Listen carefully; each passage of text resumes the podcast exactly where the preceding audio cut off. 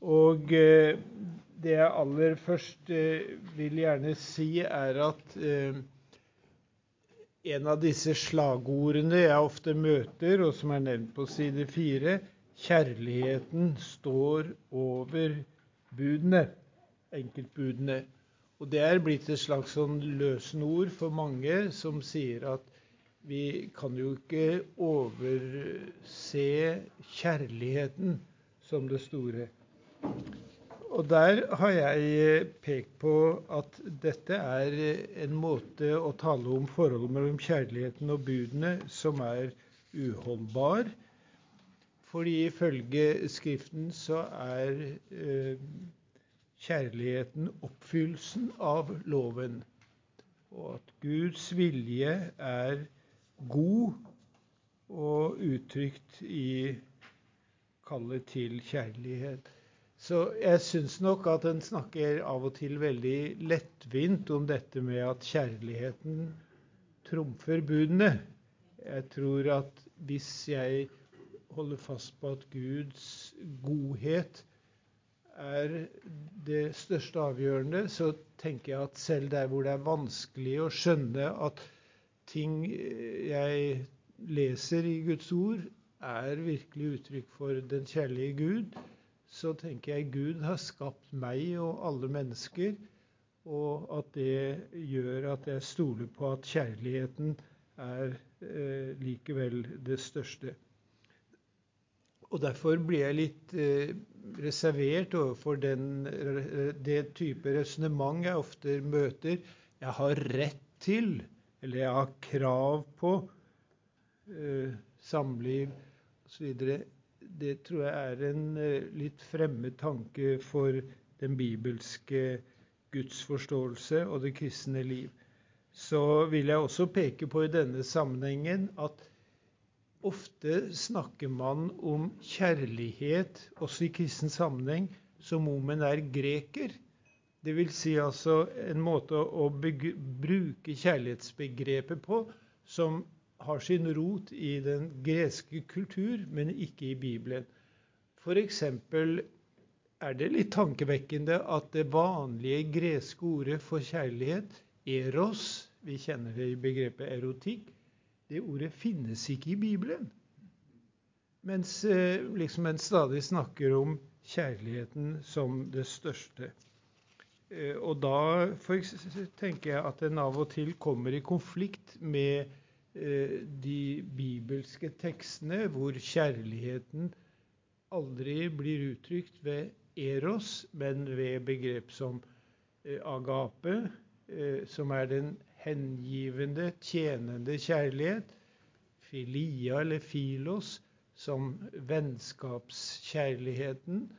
Og eh, at, at, eh, hvis vi ikke som kristne der skjelner litt mellom den greske eros-tankegangen eh, og den kristne bibelske kjærlighetstanken, så får vi problemer.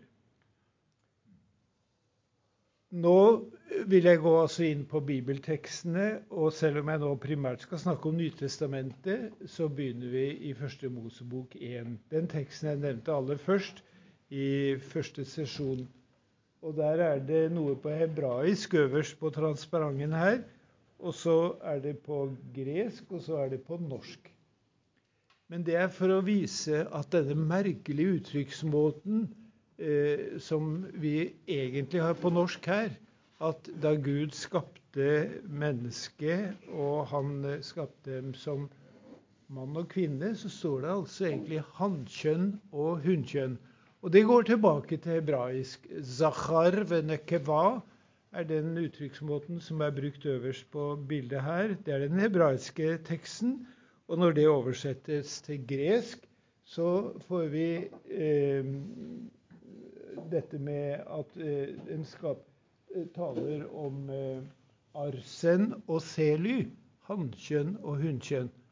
Men altså på norsk er det likevel brukt substantivene mann og kvinne.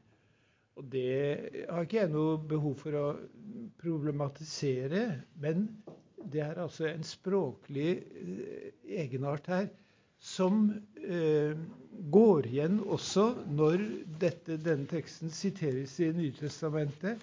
Og har dere heftet nå foran dere, så kan dere slå på side 19. Dette er en ting som etter mitt skjønn blir underkommunisert i mange teologiske og kristne sammenhenger. På side 19 ser dere første Mosebok og Matteus 19 og Romerne 1 sitert. Og Det som jeg merker da, er at der hvor det står mann og kvinne i Matteus 19, og der hvor det står kvinnene og mennene i Romerne 1, så er det altså brukt de samme litt pussige uttrykkene hannkjønn og hunnkjønnsvesener. Hannkjønn og hunnkjønn. Og Det forteller meg at når Jesus taler om mann og kvinne, så viser han tilbake til skapelsesberetningen. Og det ser jeg av selve terminologien, begrepene han bruker, er de samme. For det er ikke vanlig i gresk å snakke om hannkjønn og hunnkjønn når en i praksis sikter til mann og kvinne.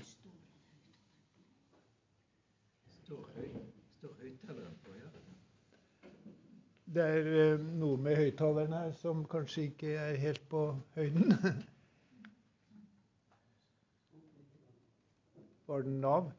Nå er den visst på. Kan det stemme? Nei?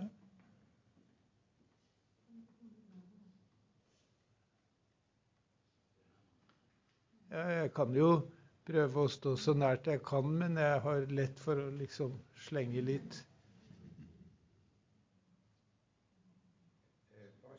Ja, OK. Eh, men dere hører meg stort sett. Dere som sitter bakerst, får eh, vifte med arma hvis det blir vanskelig.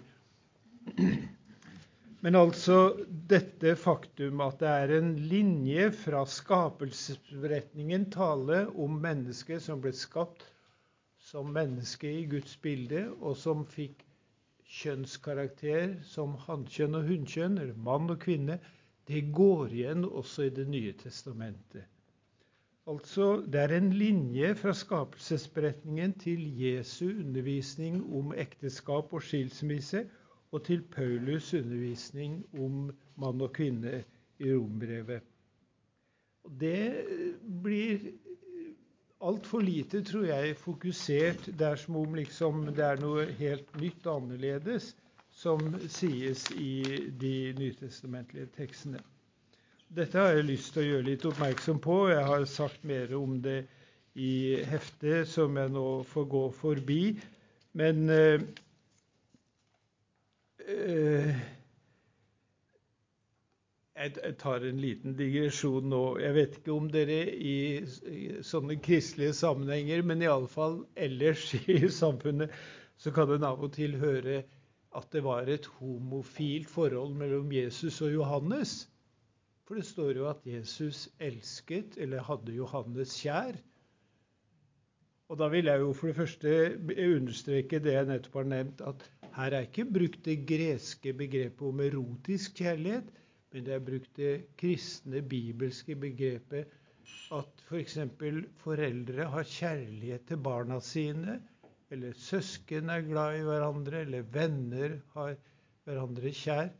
Det er det som er brukt i ordet om Jesus som eh, Jesus hadde kjær. Så der er det for det første da, litt slurv med hva skal vi si, den språklige forklaringen. Og det hjelper da å vite at her er eh, begrepene viktige å holde styr på.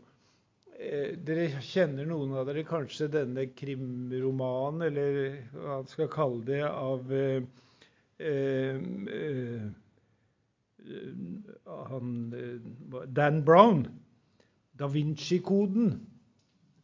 Og der er det en eh, nokså fantasifull historie om at det var et seksuelt forhold mellom Jesus og Maria Magdalena.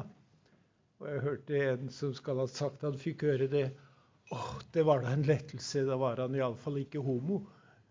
Så det er mye rart man kan eh, lage som problemer.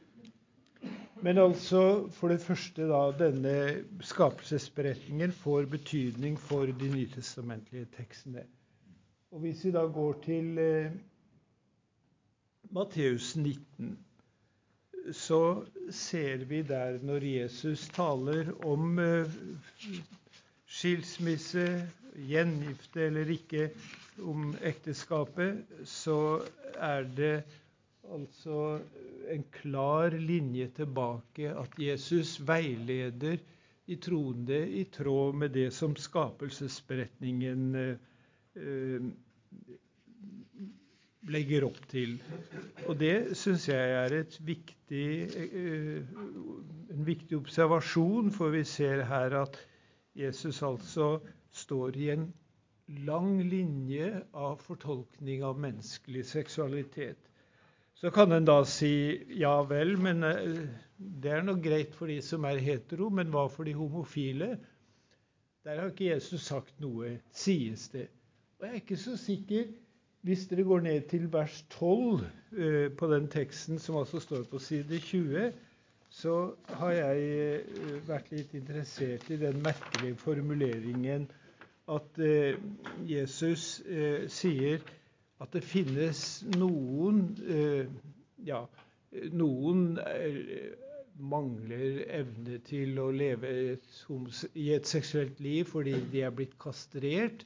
Og det var ikke uvanlig at slaver ble, så de ikke skulle skape trøbbel for Herren. Og så står det men noen eh, har gjort seg selv til evnukker, som det står i den greske grunnteksten. Nå betyr ikke det at de har kastrert seg, for det var strengt forbudt etter Moseloven. Eh, en av kirkefedrene sier, Clemens av Alexandria, å være en slik eh, som har gjort seg selv til en nukk, det er ikke en som ikke kan, men en som ikke vil. Og det er altså noe annet. Eh, så her har jeg lurt på Kan det være en diskré henvisning i at Jesus er klar over at det er noen som ikke kan inngå i et heterofilt samliv? Men han eh, utdyper ikke det og jeg tror det skyldes også at dette evangeliet er blitt til med adresse til en jødisk eh, og en kristen menighet, hvor eh, Det gamle testamentet var mer referanseramme enn greske tekster. Eh, så jeg tenker at Jesus har sånn forsiktig også antydet at det finnes noen som lever alene fordi de ikke vil etablere den form for samliv som var mulig, eller kunne være mulig. Eh, jeg utdyper dette som jeg nå har sagt litt i, i dere heftet dere har fått, men eh, går litt eh, raskere frem da.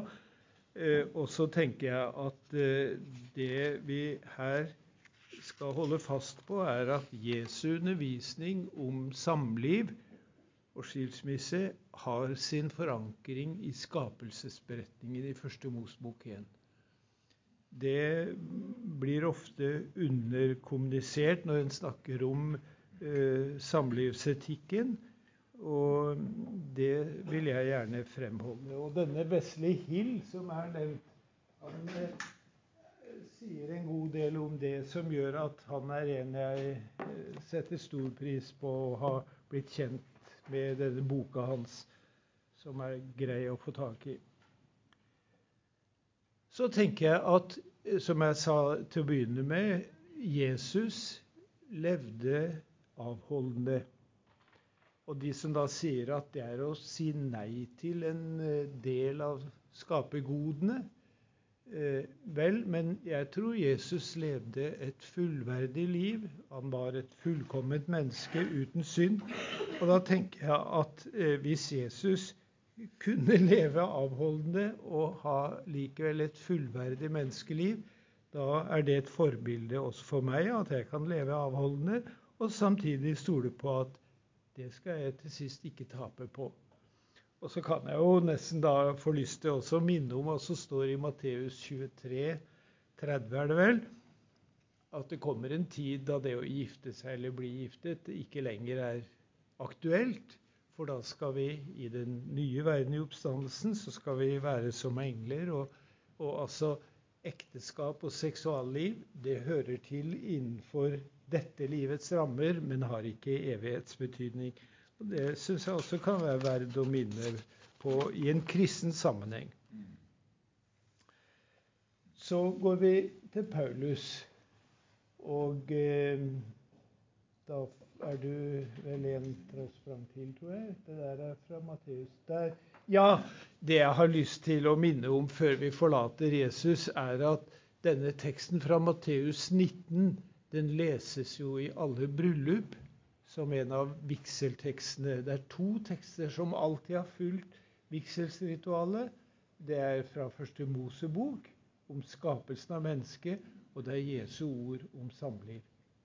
Men hva gjør en da når en skal si ja til homofilt samliv? Det er det den spalten til høyre her viser, og som jeg ikke har noen illustrasjon til i teksten. Men dere kan jo sjekke det selv hvis dere har på nettet ritualet for homoseksuell vigsel. Der kan de ikke lese Første Mosbok 1, for der står det jo mann og kvinne. De kan ikke lese Matteus 19, for der er det tale om ekteskap mellom mann og kvinne. Så de to grunnleggende tekstene som alltid har fulgt vigselsritualet, er borte i det homofile vigselsritualet. Og de tekstene man da har trukket inn, er tekster som handler om kjærlighet. Men så har en da ikke tatt hensyn til at det er ikke tale om seksuell kjærlighet da, men det er tale om eh, nestekjærlighet, foreldrekjærlighet, vennskapskjærlighet. Så dette blir eh, kinkig, tenker jeg, å lage et rituale for homofilt, eh, homofil vigsel. Så går jeg videre til eh, Paulus, Romerne 1. Og her vet jeg ikke hvor mye skal vi se vi kan få med av teksten hvis du skifter til neste. Ja, Dere har teksten på side 20. Og det som eh, der blir litt viktig, er eh, for det første de språklige uttrykkene vi møter, og for det andre hva vi vet om Paulus sin plassering i det kulturhistoriske landskapet. Det for det første vi ser er at også Paulus, når han snakker om mann og kvinne og eh, seksuelt samliv, så viser han også tilbake til første Mosebok, fordi han bruker den samme merkelige uttrykksmåten. Ikke kvinnene og mennene, som det står i oversettelsen, men de av hannkjønn og de av hunnkjønn. Og Det er akkurat samme uttrykksmåten som i første Mosebok. Så både Jesus og Paulus viser tilbake til skapelsesberetningen. Så er det viktig å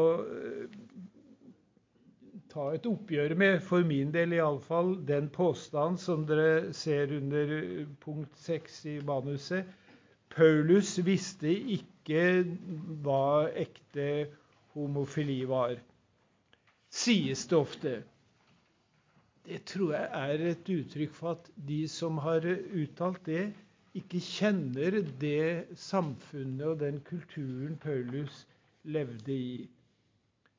Eh, og jeg vil nevne eh, fire momenter som gjør at jeg kan hevde det. For det første så er Paulus en av de få oldtidsforfattere som snakker både om mannlig og kvinnelig seksualitet. Så han visste iallfall noe om både begge kjønns forhold til seksualitet. Og det er det nesten ingen som annen verslig forfatter som omtaler. I gresk kultur som jeg sa, var kvinner nedvurdert eh, såpass at det var ikke noe grunn til å bruke noe tid på dem. Og i romersk tid så var det altså ganske vanlig eh, eh Bl.a. en gravstein Det viste over to kvinner. Altså det å etablere kvinnelig samliv var eh, relativt kjent i den romerske kultur. Og da tenker jeg det må Paulus ha vist da. Vist da så tenker jeg også at Paulus' valg av språklige uttrykk i både rombrevet og første korinterbrev viser at han er ganske fortrolig med skal vi kalle det homsespråk i samtiden. Eh, både ved det han unngår å bruke, og ved det han selv velger å bruke. Viser at han er veldig bevisst i forhold til homoseksualitet. Og så tenker jeg at eh, en avgjørende grunn til å ta Paulus på alvor er at han jo levde i en bykultur hvor eh, seksualitet var et veldig nærværende og allment eh, kjent fenomen. Han kom fra universitetsbyen Tarsus, som var et viktig kultursenter og hvor mennesker fra alle slags kulturell bakgrunn kom for å studere på universitetet i Tarsus. Og Paulus har sikkert møtt noen ungdommer der som hadde en annen holdning til seksualitet enn han ønsket. Han hadde sin base i Antiokia, som var et slags brennpunkt i møtet mellom orientalsk kultur og vestlig kultur, og hvor homoseksualitet var uh, egentlig ganske fremtredende i, i bykulturen. Han hadde et treårig opphold i Efesos. Og Efesos kjenner vi ganske godt til, bl.a. gjennom de tekstene i denne svære uh, boka her som jeg nevnte, som viser at der var det, der var det mye eh, mangslungent seksualliv. Og så var det da Korint, hvor han faktisk da bodde i halvannet år. Og at det brevet og de to brevene han skrev til Korint i ettertid, var jo ikke nye dokumenter han skrev, men det var altså brev han skrev til en menighet han kjente ut og inn gjennom sitt halvannet års lange opphold her, der. Og det syns jeg er litt tankevekkende, men at det er nettopp i de to brevene og han snakker om dette med menn som ligger med menn, og menn som lar seg ligge med vi eh, vet ganske mye om livet i Korint. Og for bare å ta en litt kuriositet En kjent filosof, Epiktet, han eh, forteller han var ikke helt fornøyd med en av sine elever. Sier meg, har du tenkt å bli en borger av Korint? Og det var liksom en dagligtale for å si har du tenkt å anlegge en homsestil? Altså å bli borger av Korint, det var det samme som å bli homo. Eh, så det er altså Ja, jeg må ikke glemme at Paulus jo også var i Aten og samtalte med de filosofiske lederne der, som det fortelles om i apostelgjerningene. Og når vi da vet at både de store filosofene Platon og Aristoteles kommenterer og skriver om homoseksualitet, så hvordan skulle Paulus kunne liksom være på høyden som samtalepartner om ikke han selv også var litt orientert om hva moraldebatten kunne dreie seg om? Så jeg ser for meg Paulus ikke som en som ikke visste om det. Da må han jo ha levd på, helt på utsiden av det samfunnet han virket i. Men altså, han virket jo i årevis i disse greske byene med den seksualmoral og kultur som der var rådende. Så jeg tenker at jeg ser for meg Paulus som en som kjente alle slags mennesker og alle slags eh, drifter og, og, og, orienteringer som fantes. Og at, som jeg har nevnt tidligere, når han da sier i første kor 6 slik var noen av dere før, så kan det bety rett og slett at han kjenner noen som har en fortid som homse i bymiljøet i Korint, og som har kommet til tro. og som kan ha ført sjelesørgelig samtale med Paulus. Han er en mann som virkelig levde i sin samtid og kjente også sin kultur. Og Derfor har jeg et eget avsnitt i denne artikkelen om at Paulus er balansert og han er velorientert, etter mitt skjønn. Vi kan gå f.eks. til eh, eh, Rombrevet, er det vel du har der oppe i illustrasjonen?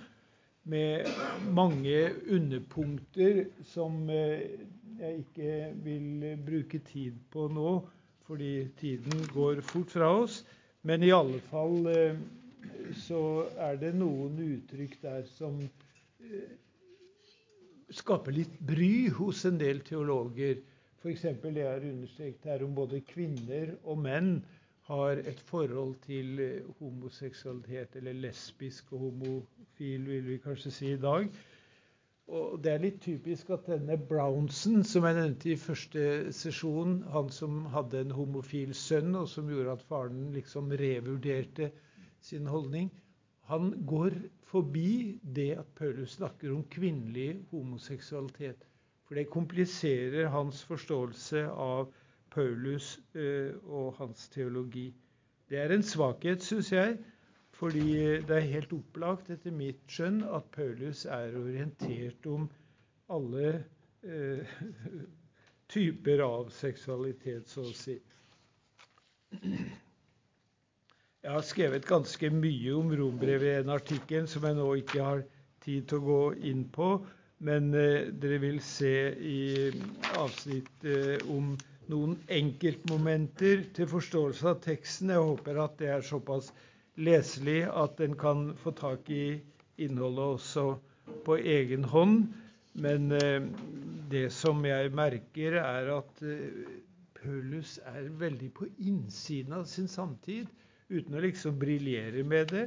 Men han skriver slik at en, det er naturlig å forstå at han vet hva han snakker om. Eh, og det eh, syns jeg er viktig å fremholde eh, i i debatten i dag, fordi det blir ofte underkommunisert. Og denne Bernadette Broughton, som jeg tidligere har nevnt, som har skrevet en svær avhandling om kvinnelig homoseksualitet i antikken, hun er jo ikke i tvil om at romerne 1 omtaler både mannlig og kvinnelig seksualitet.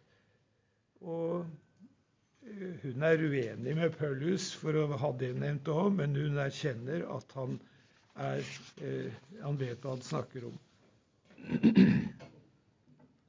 Det jeg tror er noe av Paulus sitt anliggende i Romerne 1, er at han vil illustrere at mennesket har tapt den uh, gudskunnskap som de hadde, og at seksualitetens ulike utfoldelser er et uttrykk og synliggjør at de har tapt gudsforholdet. For når gudsforholdet oppover er brutt, så vil også gudsforholdet, eller forholdet på det horisontale plan mellom mennesker, bli kronglet til. Og så vil jeg kanskje avslutte bare det med å si Paulus er primært opptatt av atferd, ikke av identitet eller vesen. Og da kan en si at vel, jeg er homofil, men jeg tror ikke det er det som Paulus er interessert i, men han er interessert i hvordan lever du? Hvilke mønster for livsførsel har du? Og slik tror jeg også er hans holdning til de han møter i sin eh, virksomhet. Og det er litt viktig for meg å si, fordi jeg har jo møtt kristne som ikke helt klarer å holde de to tingene fra hverandre. Hvis jeg sier jeg er homofil, da er jeg jo uansett liksom eh, på svartelista. Eh, men jeg tror ikke Bibelen tenker sånn. Jeg tror Bibelen spør hva gjør du? Hvilken atferd har du? Jeg har av og til litt ristig sagt at eh, når noen mennesker blir født med en avvikende seksualitet, så kan det være som at noen mennesker blir født fargeblinde. Da kan de ikke ta sertifikat, og de har altså visse begrensninger lagt på sin livsførsel. Og, og likevel tenker jeg en fargeblind er jo like mye verdt som en, et menneske med fargesyn.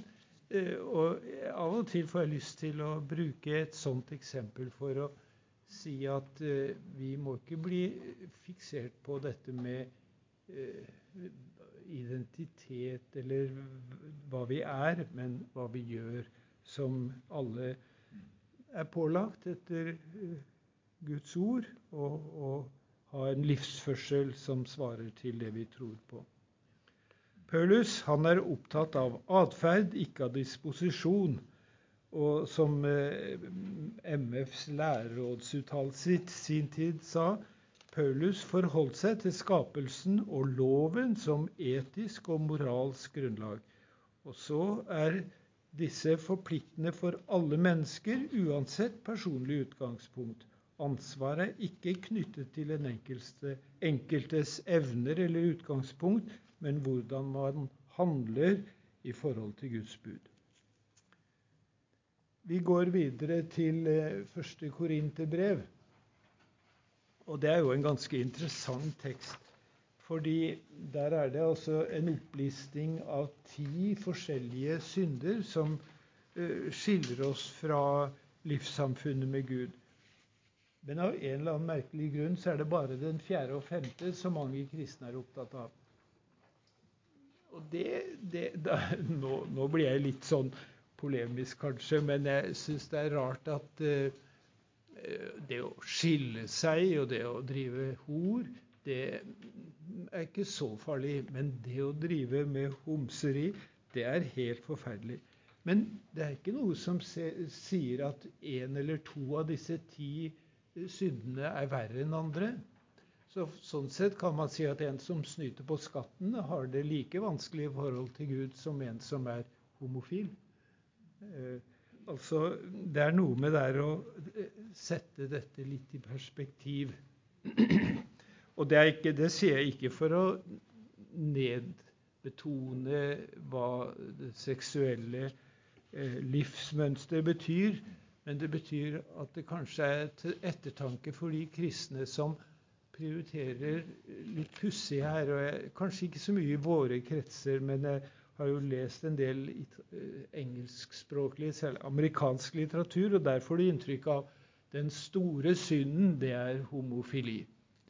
Men å snyte på skatten, eller å være litt drikkfeldig, eller å skille seg, eller å leve med prostituert, vel, det, det er jo liksom menneskelig å feile litt. Paulus sier ikke det. Alle disse syndene skiller oss fra Guds kjærlighet. Men alle syndene kan også bli tatt oppgjør med hva jeg gjør. Og her er det igjen også atferd det dreier seg om. Og eh, Jeg vet ikke om vi har tid til det nå, Stig, men det kunne vært interessant å gå inn på de uttrykkene der i den fjerde og femte synden om det å ligge med menn eller å la seg ligge med jeg har Du må bare bestemme hva du vil ha med og ikke ha med. Vi ja. har 13 minutter maks ja, Men da tar vi tid til det òg. Og da kommer det nå en liten språkundervisning i gresk, hvor vi begynner med norsk. Eh, ja. Har du den også? Og språkundervisning i gresk? Ja, Nei, jo, skal vi se eh, nei. nei. Videre. Ja. enda videre. Ja. Der. Ja, ja. Eh, norsk har en del trekk til felles med gresk, nemlig at de kan lage ordsammensetninger som har en spesiell karakter. Og Her har jeg nevnt noe, no, tre ord, og nå klarer jeg nesten ikke å se dem selv. så det er en Styreleder. Styreleder. Elveredder. Elveredder. Det ble skapt av en glup journalist under Alta-elva debatten? Barnemishandler. Barnemishandler. Alle disse tre ordene er sammensatt av to orddeler, hvor vi kan lage en slags pil fra den andre delen og frem til den første. En styreleder det er en som leder styret. En tilbakevisende handling. En eh, elveredder det er en som redder elva. En barnemishandler det er en som mishandler barn. Og Dette er en type ordsammensetninger som vi ikke tenker på, men det er akkurat det samme som grekere kan gjøre. F.eks. når Paulus snakker om en hannkjønnssamligger i 1. kor 6. Da skjønner en greker like godt som en som vet at en styreleder er en som leder styret, så er en hannkjønnssamligger en som samligger med en hannkjønn. Dette er en type orddannelser som er Ganske vanlig i norsk og veldig vanlig i gresk, men veldig sjelden i engelsk. Og av og til har jeg lurt på om ikke det er noe av grunnen til at engelske forskere ikke helt skjønner at dette har mottakerne av første kor 6 skjønt intuitivt. For hvis du hører snakk om i nyhetene om en barnemishandler som er arrestert, så er ingen i tvil om at det betyr en som mishandler barn. Men for en Hva heter det på engelsk? De må lage det ved å omskrive uttrykket med to ord.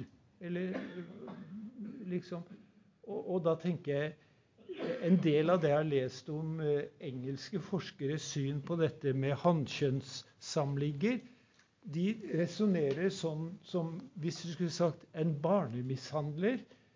Det skjønner vi intuitivt at det betyr en som mishandler barn. Men da sier engelskmenn ja, det kan da likevel, likevel gå en motsatte vei. Et barn som driver med mishandling. Men det er helt unaturlig å tolke på norsk. Men sånn kan altså engelskmenn tolke dette uttrykket i første kor 6. Og så sier de derfor er det veldig vanskelig å vite hva dette egentlig betyr. Men eh, jeg mener som pensjonert gresklærer, om jeg så må si, da, at her ser jeg at Paulus kjenner teksten i eh, tredje Mosebok 18, hvor det står at en mann som ligger med en kvinne, eller en mann som ligger med en mann, eh, det, det, er en uting. Og så kan Paulus av uttrykket 'en mann som ligger med en mann' skape et sammensatt ord, som man har her en mannssamligger. Og det skjønte de som fikk brevet fordi antagelig har Paulus brukt det i sin undervisning mens han var halvannet år i Korint. Og derfor kan han skrive det i brevet uten noen nærmere forklaring. Og, og, jeg tror de som problematiserer dette uttrykket, enten har de ikke gjort hjemmeleksa i gresk, eller så kjenner de ikke gresk kultur nok. Så det var et lite polemisk spark, da, som dere skjønner. Men jeg mener altså at Paulus' uttrykksmåte her er helt entydig å forstå, og den ville forstås intuitivt, sånn som vi forstår at en barnemishandler er en som eh, mishandler barn. På fint kalles dette et reksjonskompositum, et tilbakevisende sammensatt ord. Så Derfor tenker jeg at de som problematiserer denne teksten i første kor 6, de må gjøre mer studier både i gresk og i gresk kultur. Eh, også, derfor tenker jeg at denne teksten knytter an til hva jøder underviste om seksualitet. Altså 3. Mosebok 18 og 20 har jeg vist til der i manuskriptet dere har fått.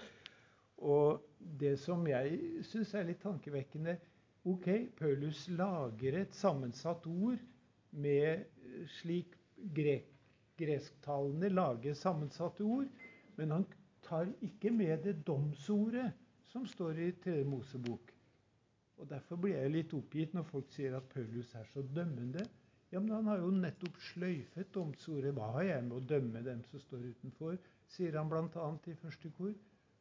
Eh, jeg opplever at Paulus er en god sjelesørger. Og så var det dette korte utsagnet 'Slik var noen av dere før'. Og da er det ikke bare slik, nemlig altså homoseksuelle, men det er det slike som bryter ekteskapet, slike som skiller seg, slike som er alkoholikere, slike som snyter på skatten, og en eller annen av disse ti uh, syndene. Slik var noen av dere før. Men da dere ble kristne, så forandret dere atferd. Også på seksuallivets område.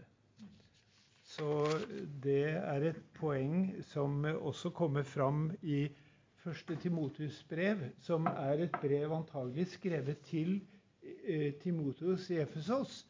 Skal vi se om du klarer å finne det òg. Der tror jeg det var.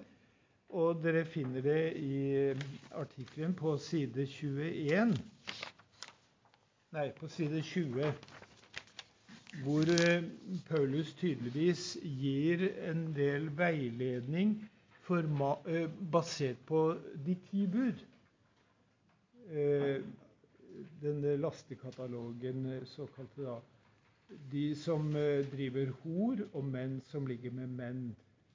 Og Der eh, er det interessant altså at Paulus antagelig knytter til det sjette bud, men altså utvider det til å si det gjelder ikke bare eh, Du skal ikke drive hor liksom da i heteroseksuell sammenheng, men han gir det en praktisk utvidelse. Dette gjelder både heteroseksuell og homoseksuell atferd.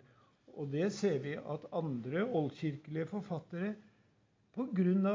problemene de kristne møter i sine hedenske omgivelser, utvider det sjette bud. Det er som Luthers lille katekisme som forklarer og utlegger budet i en ny tid, og utvider da til begge sider. Å drive hor, nemlig heteroseksuell usedelighet, og å drive med homoseksuell utukt. For meg har dette kartet, som dere da kanskje har nederst på side 20, blitt en viktig sak. Og av og til, fordi av og til så bruker man bibeltekstene som om du legger ut tekstene på rad og rekke, og så går du fra den ene til den neste. Og så blir Bibelen en slags sånn eh, skjematisert oppslagsbok hvor alt er på samme plan. Mens for meg er det viktig å merke seg at Jesus taler i en jødisk kontekst i Matteus 19 og er veldig forsiktig med å omtale homofili, selv om jeg tror faktisk han gjør det da, i vers 12 i 1912. Paulus er veldig konkret om eh, eh, homoseksualitet både i første Korinter og første Tim, fordi det er skrevet til greske storbyer. Og det eneste stedet han tar opp kvinnelig homoseksualitet, det er i brevet til romerne. For det var ikke aktuelt i et brev til greske adressater, men det var veldig aktuelt i et brev som skulle forberede hans reise til Roma. Fordi vi vet at eh, eh lesbiske forhold var eh, ut, ganske utbredt i romersk eh, kultur. Ja, da tenker jeg jeg er nødt til å gå inn litt for landing. Og det er mye mer som kunne sies. Men eh, jeg har lyst til å minne om noe som ofte blir oversett, nemlig at eh, eh, selv om de kristne var en minoritet i et hedensk kultursamfunn, hvor selv den høyeste gud, Sevs, hadde en mannlig kjæreste, og da kan vel når gudene kan ha det, så kan vel vi ha det òg. Men slik var det ikke blant de kristne.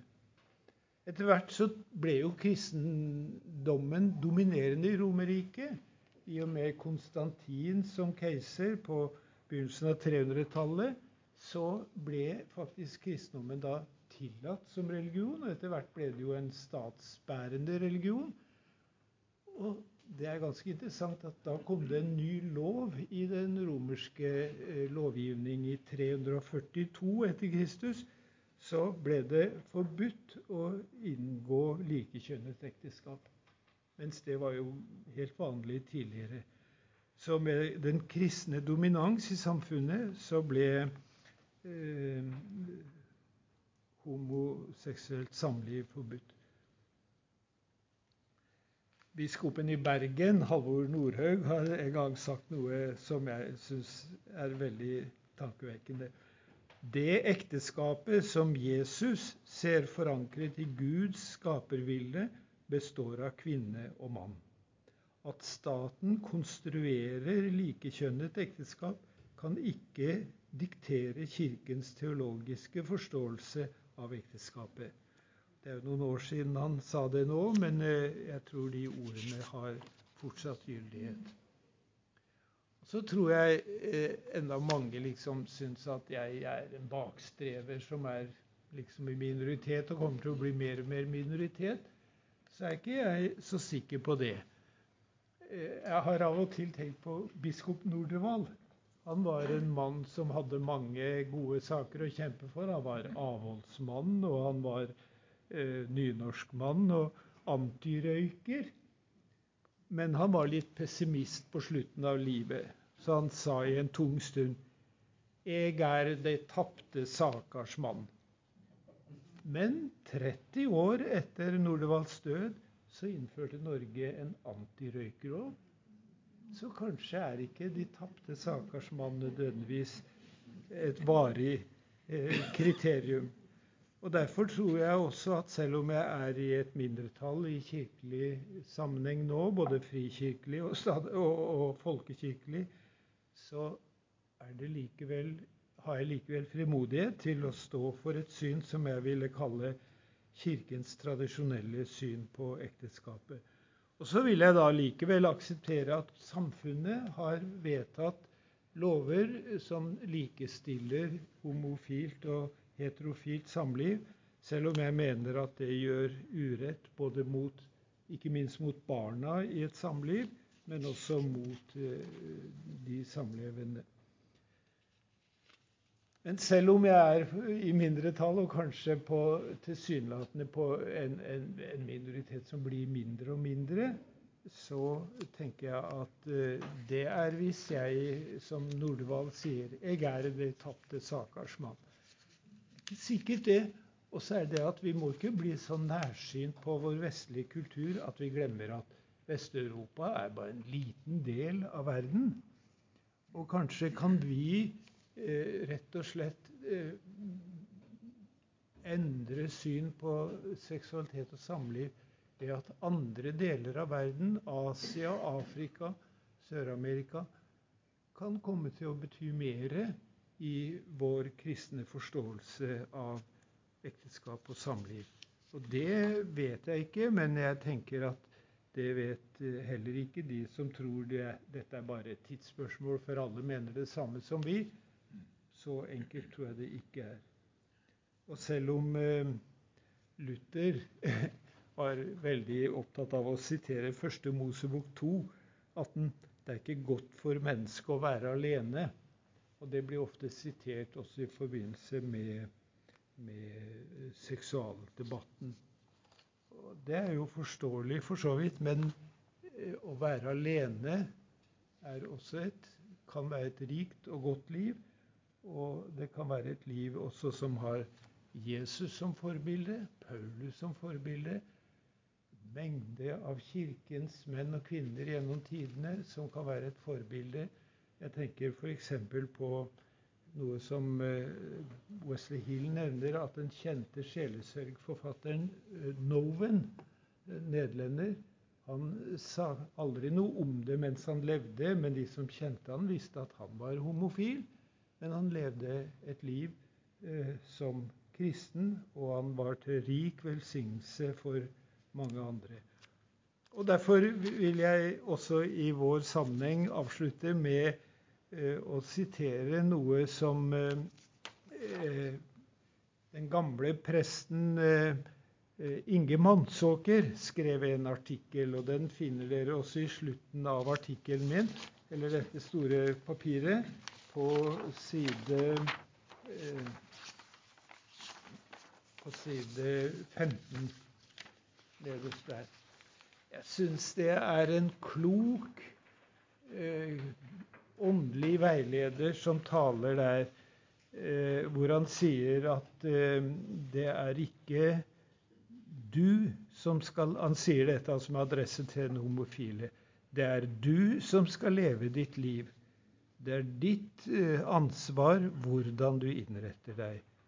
Jeg slutter ikke å være din venn om du innretter deg annerledes enn jeg mener er rett, men du har ingen grunn til å regne det som sabotasje dersom jeg ikke støtter deg, og du kan ikke anklage Kirken for dømmesyke dersom den ikke kan gi sin legitimering av din praksis. Kirkens oppgave er å formidle både Guds åpne favn slik eh, evangeliet viser oss, og samtidig den veiledning Gud gir oss i sitt ord. En veiledning hvor korset står sentralt. Det syns jeg var kloke ord, og kan bety også at jeg vil vise respekt for mine to nære slektninger, som også er homofile, men som ikke tenker slik jeg gjør, men som altså har inngått partnerskap. Og så vil jeg likevel holde fast på at det beste og det rette er å velge å følge Bibelens ord, som jeg har prøvd å formidle i dette foredraget. Da. Så med det sier jeg punktum, men vi skal vel ha en spørsmålsrunde.